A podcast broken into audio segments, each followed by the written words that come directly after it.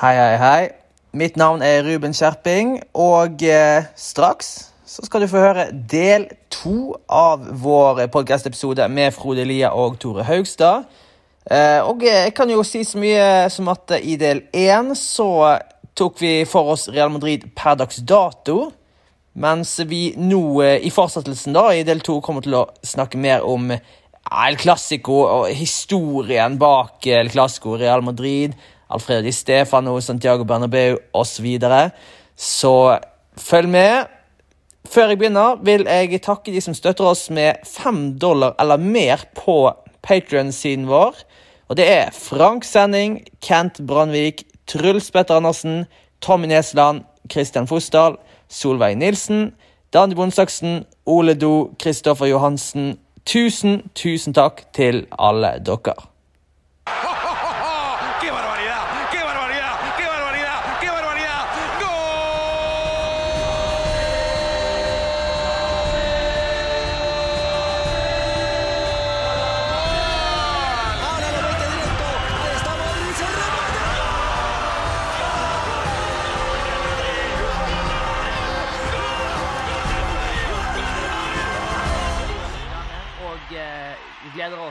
Veldig alle tre, tipper jeg. Og eh, El Clásico er jo en eh, historisk viktig kamp òg, som eh, dere vet godt begge to. Så nå tenkte jeg vi skulle snakke litt og ta, dra fram noen høydepunkter fra podkasten deres. Fotballfortellinger heter altså den. Ja. Dere har tatt eh, tolv episoder som er ute så langt. Det er vel ikke det siste Disneyland med um, Florentino Perez. Uh, og det er så mange ting jeg har lyst til å snakke om her. Men uh, Frode, først så tror jeg kanskje jeg vil trekke fram Santiago Bernabeu. Som eh, Ja, dere nevnte det i podkasten. Det er kanskje de fleste nå forbinder med stadionnavnet til eh, Real Madrid. Men Santiago Bernabeu, hvem, hva var det for en fyr? Det, var, det er jo en av de viktigste, om ikke den viktigste i Real Madrids historie. Nei, altså når øh, Når han kom hjem igjen fra borgerkrigen, så satte han jo i gang arbeidet med å bygge opp eh, Real Madrid eh, til den klubben vi kjenner han i dag. Og han har vel hatt eh, alle posisjoner i klubben. Altså han har eh, vaska drakter. Ja. Billetter og alt mulig. Ja, vært dommer og eh, president og trener og ja, you Mm. name it. Mm. Han, er, han var mister Real Madrid på den eh, tiden, og er jo egentlig det mye i dag i dag. Men eh, jeg tror kan ikke fortelle litt Real Madrid Mange tenker at Real Madrid alltid har vært de største, men før Santiago Bernabeu så var jo det absolutt ikke tilfellet.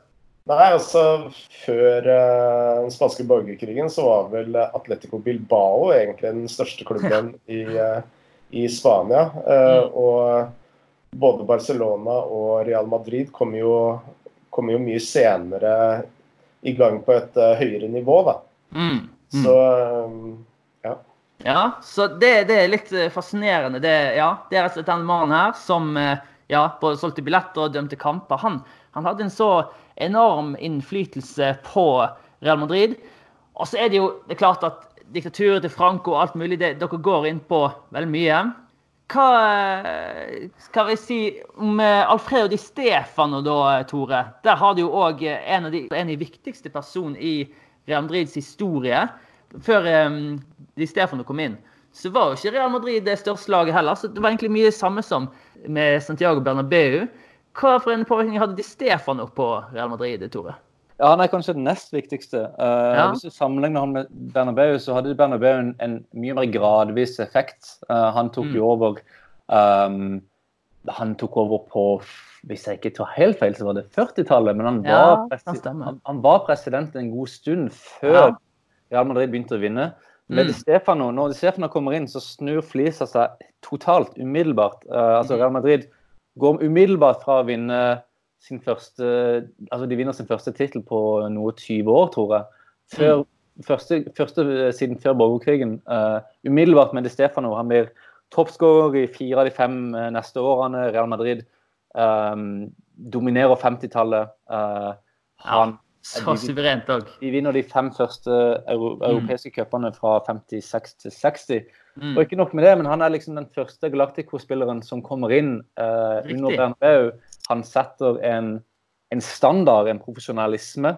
eh, som gjennomsyrer hele klubben, og som får de andre spillerne til å skjerpe seg. Mm. Um, så han, han setter um, han setter standarden rett og slett for en, for en generasjon spillere som gjør Real Madrid til, til det han er i dag, egentlig. Eh, Og ja. Ja. Og Real Madrid fortsatt den dag i dag. På eh, nettsiden til Real Madrid så, så skriver de at De Di Stefano, den største i eh, klubbens historie, i hvert fall spiller, da. Så vet ikke om de eh, tar med Santiago Bernabeu der.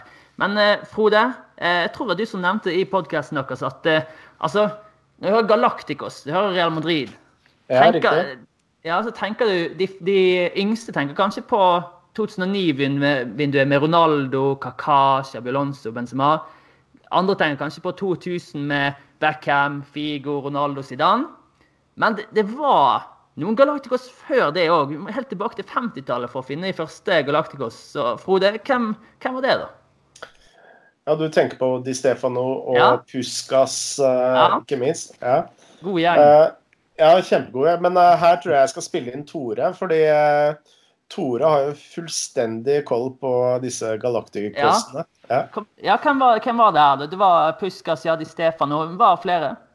Nei, De hadde Raymond Kåpa, som de, Mm. hvis jeg ikke tar feil, så slo de Uh, ah, Om det var Reims i den første europacupfinalen i Det burde jeg vite, men det, ja, det kan stemme. Mm. Og da, da spilte Kåpa i, den, um, i det laget, og de, de henta han uh, jeg tror det var året etter.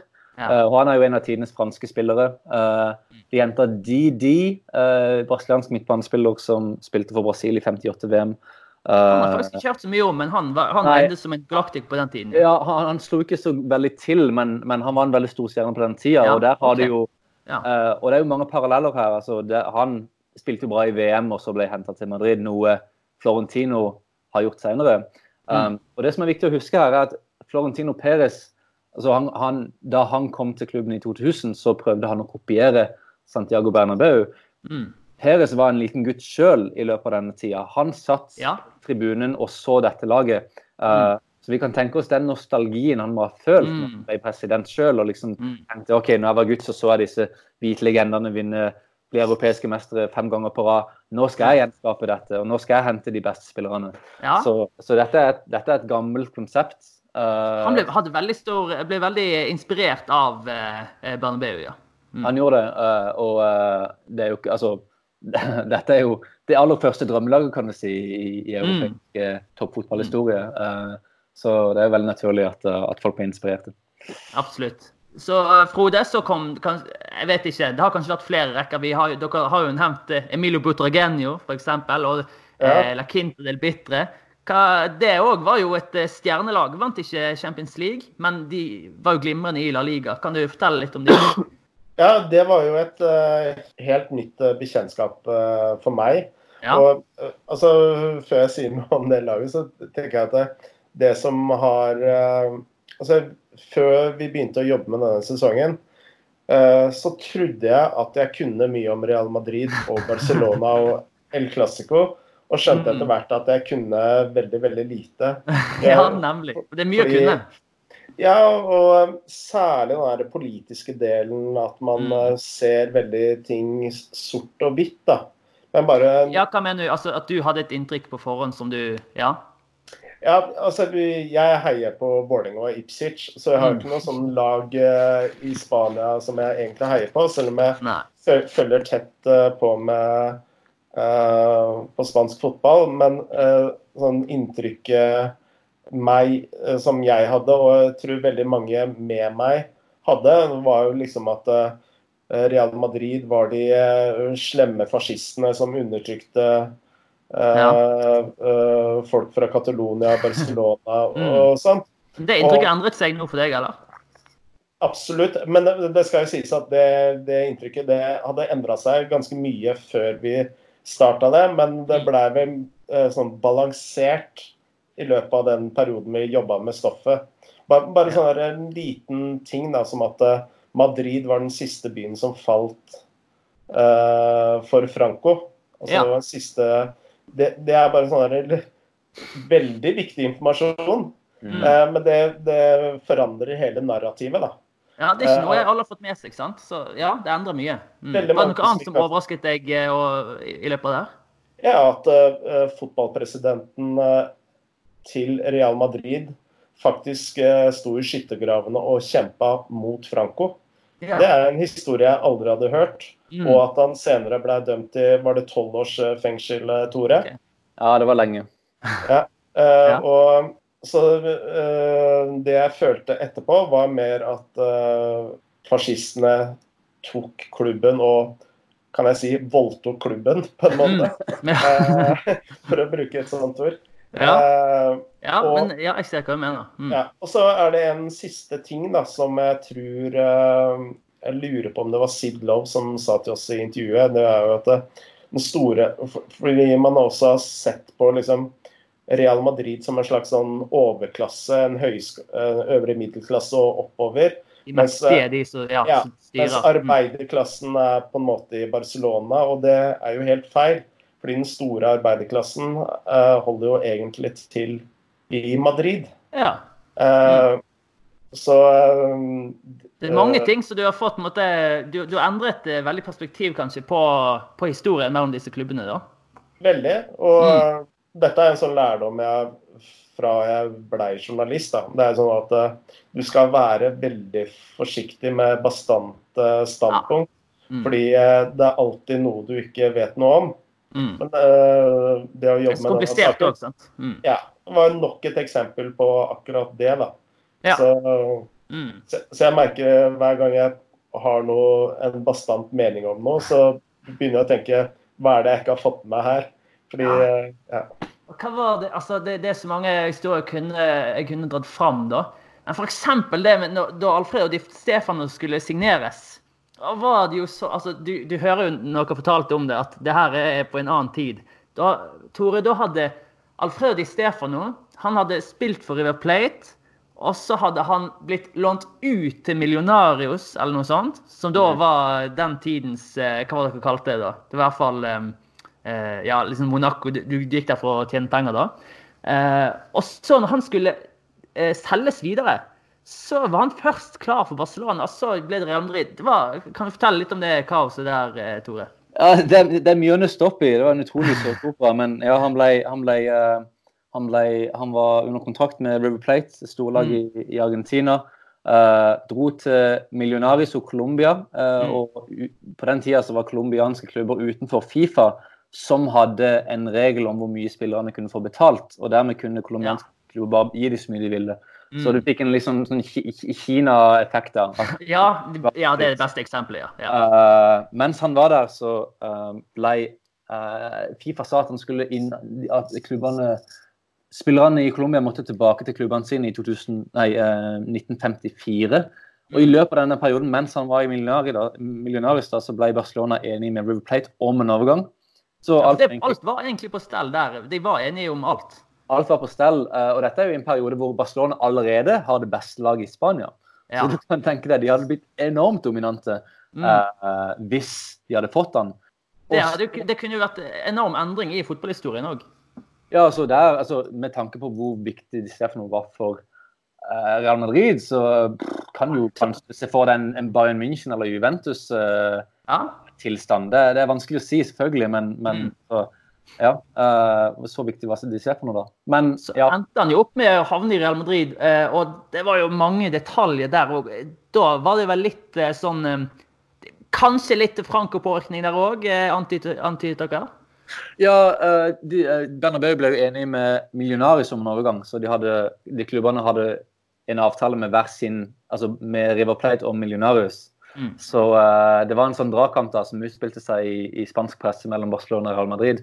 Mm. Uh, spansk, uh, spanske FA og Fifa greip inn og sa at uh, Di Stefano skulle bli, bli delt på. Altså de skulle slett. bytte på han. De skulle bare låne annenhver sesong omtrent. Bytte han. Ja, det det er helt Ja. utrolig. Helt utrolig. Uh, Vi snakker om en av verdens beste spillere her. Mm. Uh, og visstnok da, ja, visstnok så skal uh, regjeringa sitt sportsdepartement har vært involvert i samtalene som førte til den avgjørelsen. Mm. Selv om kontrakten mellom River Plate og Barcelona var mye mer verdt enn den mellom Millionaris og Real Madrid. fordi Ja, for Millionaris hadde de bare lånt den. han var bare på lån, og det er, det er et sitat fra Spanias, eller presidenten i fotballforbundet som sa at um, kontrakten mellom Millionaris og Real Madrid var verdt null og niks. Ja. Og da er det jo lett for, for Barcelona å føle seg snytt, selvfølgelig. Mm, Eh, veldig. Veldig. men som Real Madrid-supporter da, så kan de jo kanskje se dette som en slags heroisk gjerning av Bernabeu, som liksom klarer å snike til seg en spiller han egentlig ikke skulle hatt. Mm. uh, og dette er jo et par år etter at Barcelona har kjøpt Kubala, Mm. eh, den andre store stjerna, som Real Madrid var, in var, var interessert i. Og der òg var det bare så mye om å gjøre. Det også, der hadde dere en litt sånn en historie med at han tok taxi i fylla og havnet på feil plass. og sånn. Det var en artig historie. Og at han derfor endte i, Real, i Barcelona istedenfor Real Madrid. Så i løpet av podkasten deres alle episodene har dere veldig mange sånne gode historier som gjør det veldig artig å, å følge med på. da. Um, mm. Så OK. Men um, det var jo da Alfred Di Stefano. Spole Jeg, jeg, jeg glemte jo å svare på spørsmålet ditt, da. Ja, hva var det, da? Om uh, Butrageno og, Ja. og Ja, det, det er jo kommet helt vekk fra nå. ja, men uh, kjør på.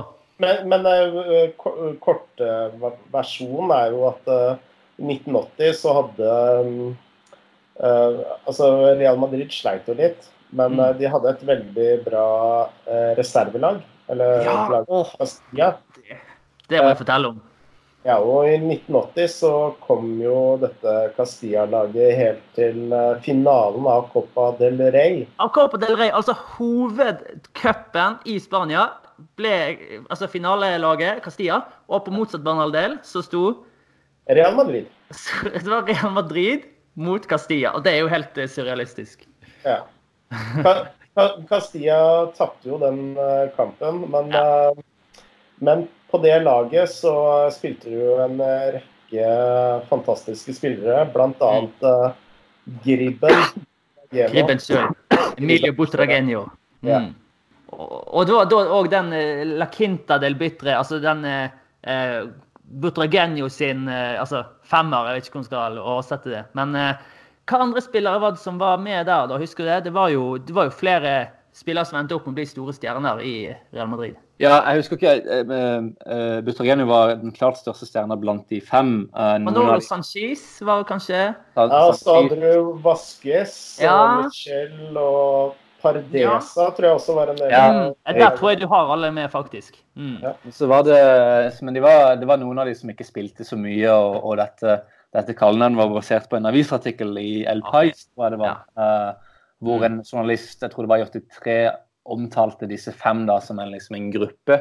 Mm. Selv om ikke alle spilte en, god, en, en så veldig viktig rolle. Men uh, det var utvilsomt uh, et, veldig, et lokalt lag med spillere, eh, eller en stamme da, fra Madrid. Um, og så sprinkla du på litt sånn, litt sånn spice da med Hugo Sanchez f.eks., som, som Mm. banka inn målene langt flere enn det Butrogeno gjorde.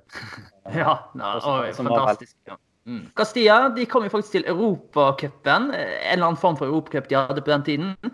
Ble stått ut av Westham, så det er jo òg artig å, å se tilbake på. Um, vi, Før vi uh, går over på siste delen med har, Jeg har jo bedt dere forberede deres drømmeelver, bl.a. Den gleder meg veldig til å høre. Men vi har jo en liten del som vi må innom, uh, syns jeg. Og det er den Disneyland-episoden som er den siste. Og det er jo da Florentino Pers, og spesielt Luis Figo, i hovedrollen. Og da, Tore, var det et presidentvalg det året, eh, år 2000. Og da var det mye som skjedde. Kan ikke du fortelle kort hva, hva som skjedde der? Jo, jeg jeg prøvde å nøste opp i det som skjedde med, med Figo. eh, og jeg, jeg håper vi fikk detaljene riktig, for det har blitt skrevet så mye om han. Men eh, han eh, Florentino, Florentino var jo en outsider i presidentvalget. eh, Som skulle kåre hvem som ble president i, i år 2000. Real Madrid hadde vunnet Champions. Men akkurat, De regjerende Champions League-mestere gikk inn mot valget som regjerende Champions League-mestere. Skulle jo trodd at da den sittende presidenten var favoritt til å fortsette. Nettopp. Uh, men de, var i, de, var, de hadde noe finansielt uh, rot. De var litt i trøbbel der. Og så kom da Perez med, med dette løftet om å signere Luis Figo, uh, som er jo fullstendig, fullstendig utenkelig på den tida.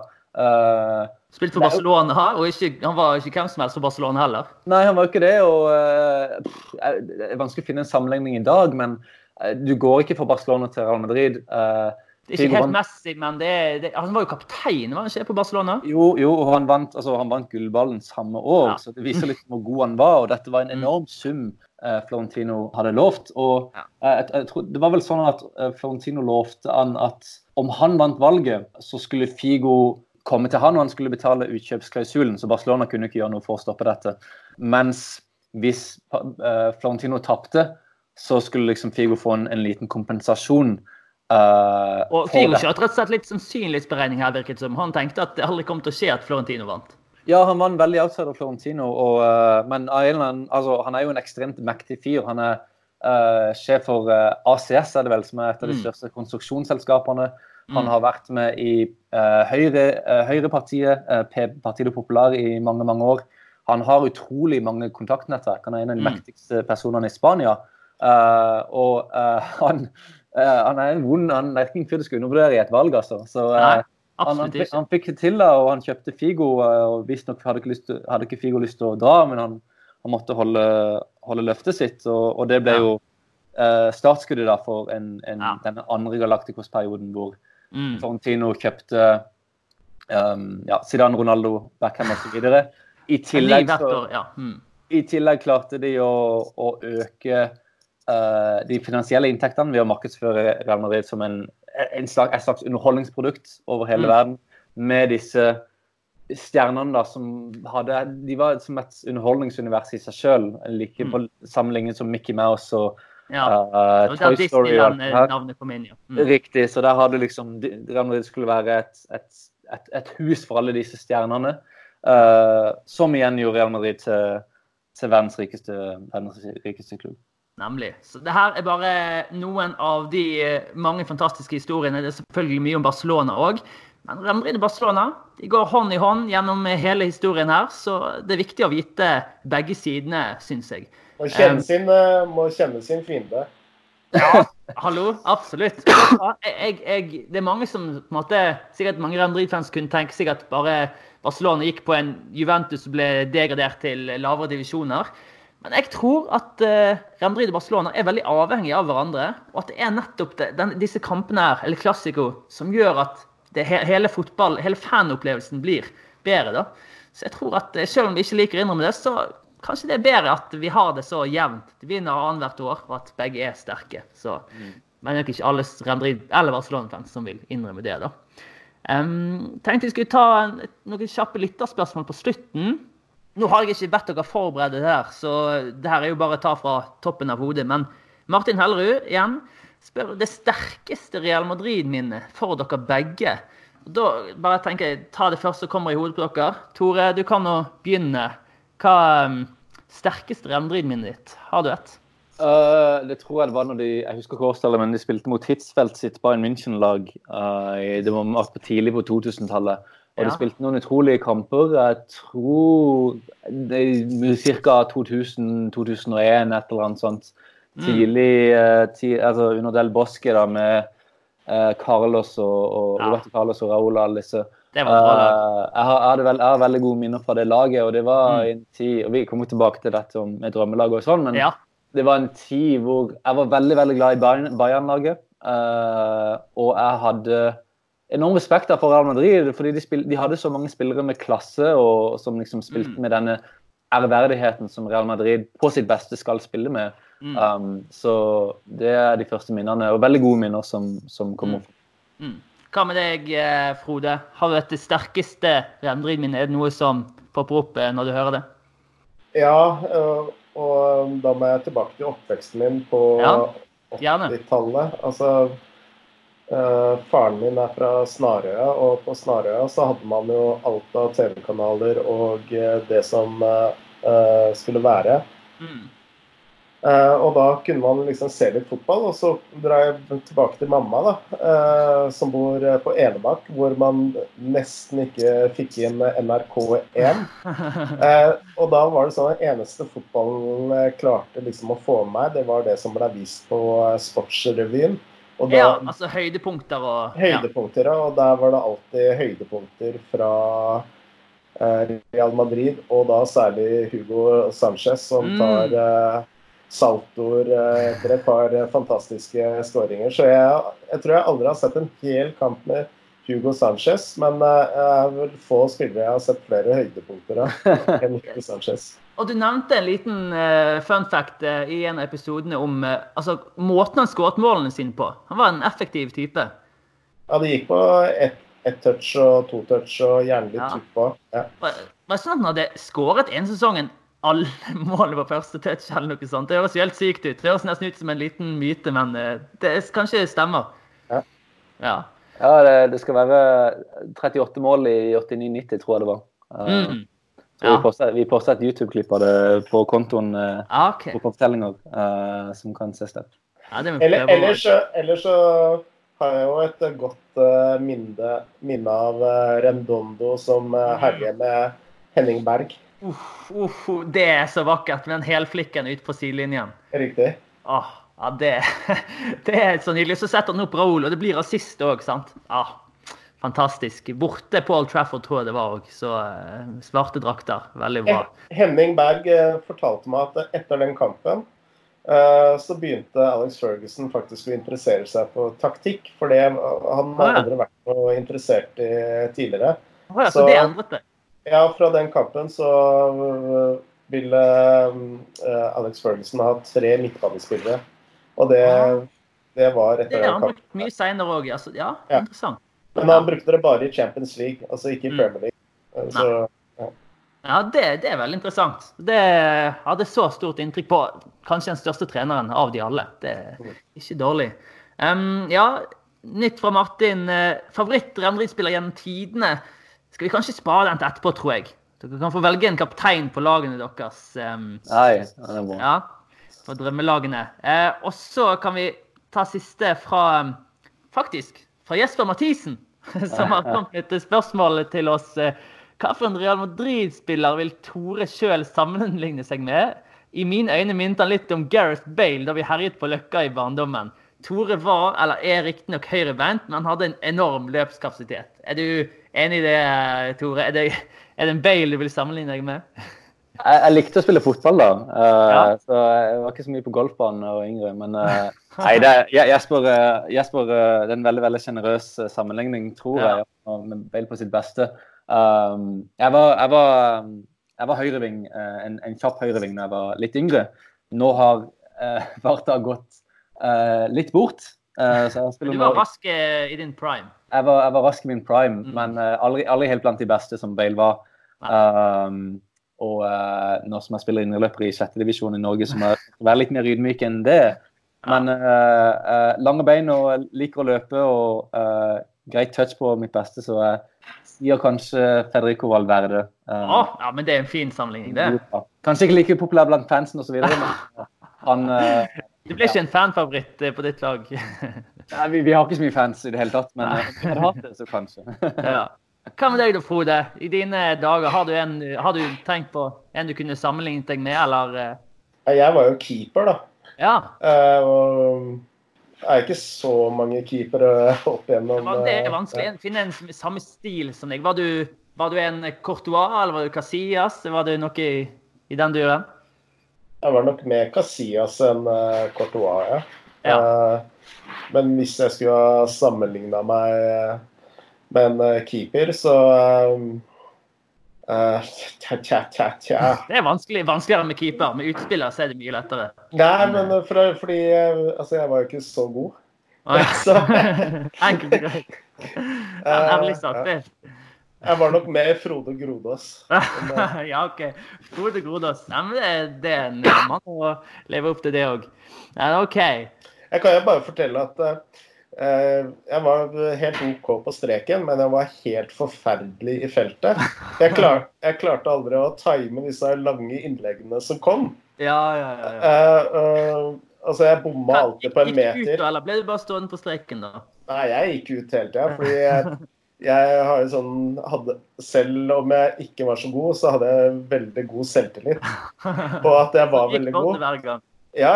Men eh, så jeg gikk hele tiden, og så til slutt så sa treneren at ja, hvis du bommer på ballen, så får du bare skrike og late som du blir, blir tatt. Eh, Filme? så, ja, så jeg, eh, jeg fikk jo enormt med gule kort for filming. Fikk Men- du det som keeper? Ja, ja, ja, hele tida. Det var jo ingen i nærheten, og jeg bomma. Men eh, i voksen alder da, så fant vi ut at eh, det var noe galt med dybdesynet mitt. Så, Å, ja, så Det var en forklaring bak det. det var en liten forklaring. Eller jeg liker å tro at det var forklaringen, iallfall. Du har i hvert fall en god grunn. Da har noe å skylde på for at du ikke blir proff. Alle har jo en grunn for at du ikke blir proff, men jeg vil si, da har du en av de bedre, som jeg har hørt. Ja, altså Grunnen min var at jeg fikk eh, platekontrakt og dro på turné og slutta å spille eh, fotball. Gjorde du faktisk det? Ja, Jeg gjorde det, ja. Uff. Så, OK. Ikke dårlig. Ikke dårlig. Men du ble ikke noen musiker av deg? jo, jeg var musiker i veldig mange år. Jeg. Du var det, ja? OK. Ja, det visste jeg ikke. Kult. Ja, og Seinere så starta jeg plateselskap, så jeg har gitt ut over 100 norske plater. Har du det? Her har jeg ikke fulgt med i timen i hele tatt. Må opp med researchen til neste gang, tror jeg. Til, og- til og med gitt ut den eh, gode singelen med 'Boobs Are OK' med Lene Alexandra. Hæ? Ha, Nei, det er tull. Har du det? Det er helt sant. Det er jo helt Det er jo den beste fun facten vi har fått på eh, i podkastens historie. da lærte vi litt mer om deg òg. Du kan ikke svare med noe samme, Tore? Nei, jeg har ikke levd så mange liv. Jeg mest, eh, mest eh, journalistikk, og det er egentlig det. Uh, nei, jeg tror ikke jeg står for det dessverre. Helt rått. Helt rått. OK, da, da går vi over på deres drømmelag. da. Jeg har jo bedt dere om å sette opp eh, drømmelaget deres. Real Madrid-spillere trenger ikke være fra nå, kan være fra alle tider. Og eh, ja, så kan vi òg ta med da mm, Hvem var det Martin som spurte om deres favorittspiller gjennom tidene? Da kan det gjerne være kaptein, da. Så Tore, ditt eh, Real Madrid-drømmelag. Du Begynner bakerst, da. Hvem eh, har du i mål? Ja, mange, altså det, Siden dette er subjektivt, så, så har jeg ikke Ja. tatt med Di Stefano, som selvfølgelig skal være med i en elver og puske og Ja, dette det her. Så, presiserer at det her er ikke beste, altså nøytralt sett beste laget. Det her er bare deres favoritter. Ja, og det, det, det går veldig hånd i hånd med nostalgi og mine minner uh, av det, det, det store Real Madrid-laget til uh, Vicente Del Bosque. Så Mm. da er det egentlig bare én jeg kan velge bak der, og det er Casillas. Casillas. Ja, egentlig greit. Og så forsvarsrekken, da. Uh, nei, da har vi Det, det er veldig mye av det samme. Uh, Salgado på høyre. eh, Fantastisk fin spiller. Med lange håret. Lange håret. Uh, Fernando Hierro, som var Jeg tror han kom på kant med Florentino Perez og forlot Real Madrid, men han var liksom den definisjonen på en rakrygga ledertype. En skikkelig sjef i Forsvaret. Skåret Eh, så uh, mange mål òg. Ja, Uh, og for meg så, så symboliserte han mye av det Real Madrid skal stå for. Eh, Ved siden av han så har jeg en, en seig basker i sikkert den dårligste spilleren i, i, i lagene, men uh, Aitor Karanka har jeg Å valgt. ja! Tidligere Ja. Mourinho-assistent Karanka. Riktig. Uh, kunne valgt Ivan Campo og alt det her, men eh, eh, ja. Uh, Det var jeg, gode Karanka. eh, han var, jeg tror han var en, en, en grei soldat. Uh, ikke så mye mer enn det, men jeg tror jeg, jeg husker han fra et uh, FM, en FM-save eller noe som hvor jeg brukte han. Uh, jeg, jeg vet ikke hvorfor han dukka opp. Nei, men det, han fortjener plass, han. Og så Helt til venstre så er det selvfølgelig Roberto Carlos, som også har denne, denne klassen da, som Real Madrid uh, hadde på sitt beste. Det er jo interessant nå når Marcelo etter hvert legger opp og diskuterer hvem som har vært den største. Og uh, Marcelo begynner å få en god sak, men Robert Carlos, det navnet er jo bare ja, Det er så mektig så du får det. Uh, Frode, kan ikke du ta din eh, keeper, din forsvarsrekke, du òg, da? Ja, det, der var det veldig mye likt. Jeg har, har eh, Casillas i mål og Roberto Carlos uh, uh, på venstrebekken. Ikke Aitor Caranca? Ikke Aitor uh, Caranca, nei. Og jeg er også Hiero som midtstopper. Så sa Men- du før vi begynte at du sleit litt med høyrebekken, eller? Ja. Nei, høyrekanten var jeg sleit med. Høyrekanten, OK. Ja. Men han Jeg har ordna han nå. Ja, ok. Og som eh, midtstopper nummer to så har jeg Fabio Cannavaro. Ja. Det, det er faktisk den første Real Madrid-drakten min. Det er med Cannavaro bakpå. Det er en av mine favorittspillere. Ja. Mm. Jeg skal, altså når vi snakker om minner, så har jeg jo eh, et veldig dårlig minne med tanke på Real Madrid. Det var jo hvordan det eh. Fabio Cannavaro ble manhandla av Jon Carew. Årene, ja. Ja, det er noe av det styggeste jeg har sett. Mm. Og, og han kom, hvis jeg ikke husker helt feil, så kom vel Fabio Cannavaro til Real Madrid i 2006. Og det var vel det året han ble kåra til uh, ja. verdens beste uh, fotballspiller, så det var jo Det, det svei litt ekstra, for jeg husker overskriften sa at Karev lekte med Ballon d'Or-vinner eller et eller annet sånt. Ja. Mm. Men uh, uansett så er han en av tidenes beste forsvarsspillere i, i min bok. Ingen tvil om det. Ja. Eh, en av eh, få søritalienere som har vært eh, kaptein på landslaget. Mm, mm, OK, det visste jeg ikke. Ja. Eh, på høyre bekk så har jeg Christian Panucci. Oh. Ai, ai, ai, ai. Altså en italiener. Ja. Og det har også litt med at vi trenger litt mer temperament inne i resten av troppen her. Og OK, ja. du har valgt noen sindige typer. stort sett sindige typer, bortsett fra Christian Panucci.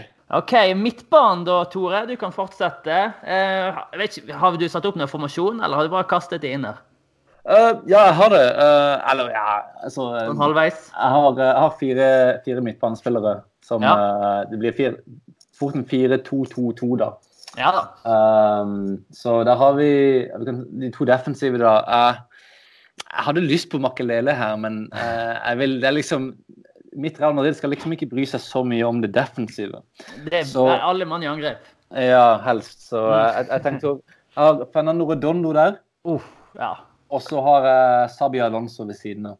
Hallo, det er midtbaneduoen sin. Ja, kanskje litt like, men, eh, men uh, ja. Uh, Nei, det er, altså, Redondo, ja, elegansen og Alonso sin langpasninger, det det er en god kombo, vil jeg si. Ja, det, og igjen så går det veldig på, på at de liksom skal symbolisere det klubben handler om da, på sitt beste. Eh, like foran de så har jeg uh, Figo, Mm. Uh, til tross for uh, Barca-fortida. Mm. Og eh, jeg må ha med Zidane fordi han skåret målet i 2001. og han eh, det, det er mange som kritiserer Zidane fordi han, liksom, han skårte faktisk ikke så mange mål. og det var Han var liksom, litt ustabil og ja. ja, og liksom eh, noen finter eh, og piruetter og sånn som kanskje ikke betydde betydde så mye, og kanskje er det sant, men um, hvis vi snakker om, om minner og nostalgi og, og hvordan, hvordan man Det emosjonelle man følte da man så Zidane, så, så må han være med. Det var en av de mest altså, deiligste spillerne å se på, vil jeg si. Og, og jeg vet ikke, de som de, de aller yngste som tenker på Zidane som trener, de skal få ta seg en tur inn på YouTube, så eh, får de litt, eh, litt magi der, litt kunst. Frode, fant du plass til Zidane i midtbanerekken din du òg, eller? Det gjorde jeg. Og Ja. eh, når eh, Tore nevnte Redondo, så tenkte jeg faen, dette er veldig kjedelig. Eh, OK, det var mye likt. Ja, jeg er også Redondo som eh, Jeg var jo sikker på at Tore ville velge Makalele. Eh, så da gikk jeg også for Redondo som, Ja. eh, som anker.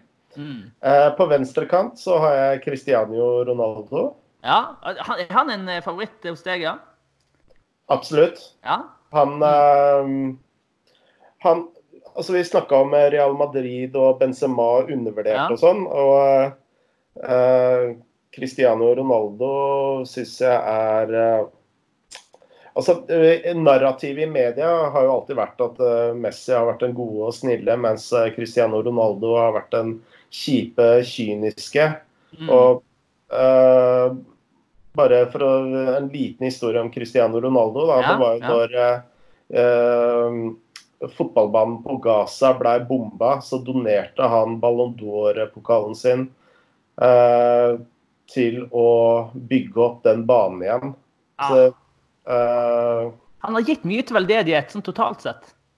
absolutt. Mm. Uh, så ja, det er Han har en høy stjerne hos deg. Mm. Ja, jeg, om ikke han har en høy stjerne, så syns jeg i hvert fall det derre uh, Messi, Cristiano At det, de er nok mye likere enn det omverdenen liker å tro, da. Det er ikke Messi can do no wrong, og så Ronaldo som er den ja, den Cristiano, Ronaldo. Ron Ja. Cristiano Ronaldo han er den typen vi elsker å hate. da. Altså, han er fin på håret, Mm. altså, han uh, har eh, babyolje på huden. Og, ikke sant, så det, Farger håret før eh, Striper håret før storkamp i Champions League. Ja, han har jo litt, og så har han litt den attituden òg som Ja, det er sant, det. Jeg har jo vært en del nede i Brasil, og jeg husker uh, eh, Altså, det var en kar altså, Han spilte ikke fotball, men han eh, kom fra fattige strøk og begynte å gjøre det ganske bra innen business. Mm. Og Det første han kjøpte seg, var sånne diamanter i ørene som jeg bare syntes var helt forferdelig å se på. Så jeg spurte hva er det å holde på med, du må ikke glemme hvor du kommer fra, sa jeg. Mm. Ja. Og så jeg, jeg bruker hver eneste dag for å glemme hvor jeg kommer fra. Oi, okay. Ja. og Og det det er jo noe seriøst i det òg, selvfølgelig. Absolutt. Um, og der tror jeg også Cristiano Ronaldo er litt fra. da. Altså han, selv om han alltid sier at han uh, prøver å huske hvor han kommer fra, så er det noe med at han uh, Han har ikke vært helt problemfri oppvekst heller. Nei. Eh, Så det handler jo litt om å, å sette pris på den suksessen, da. Og, Mm.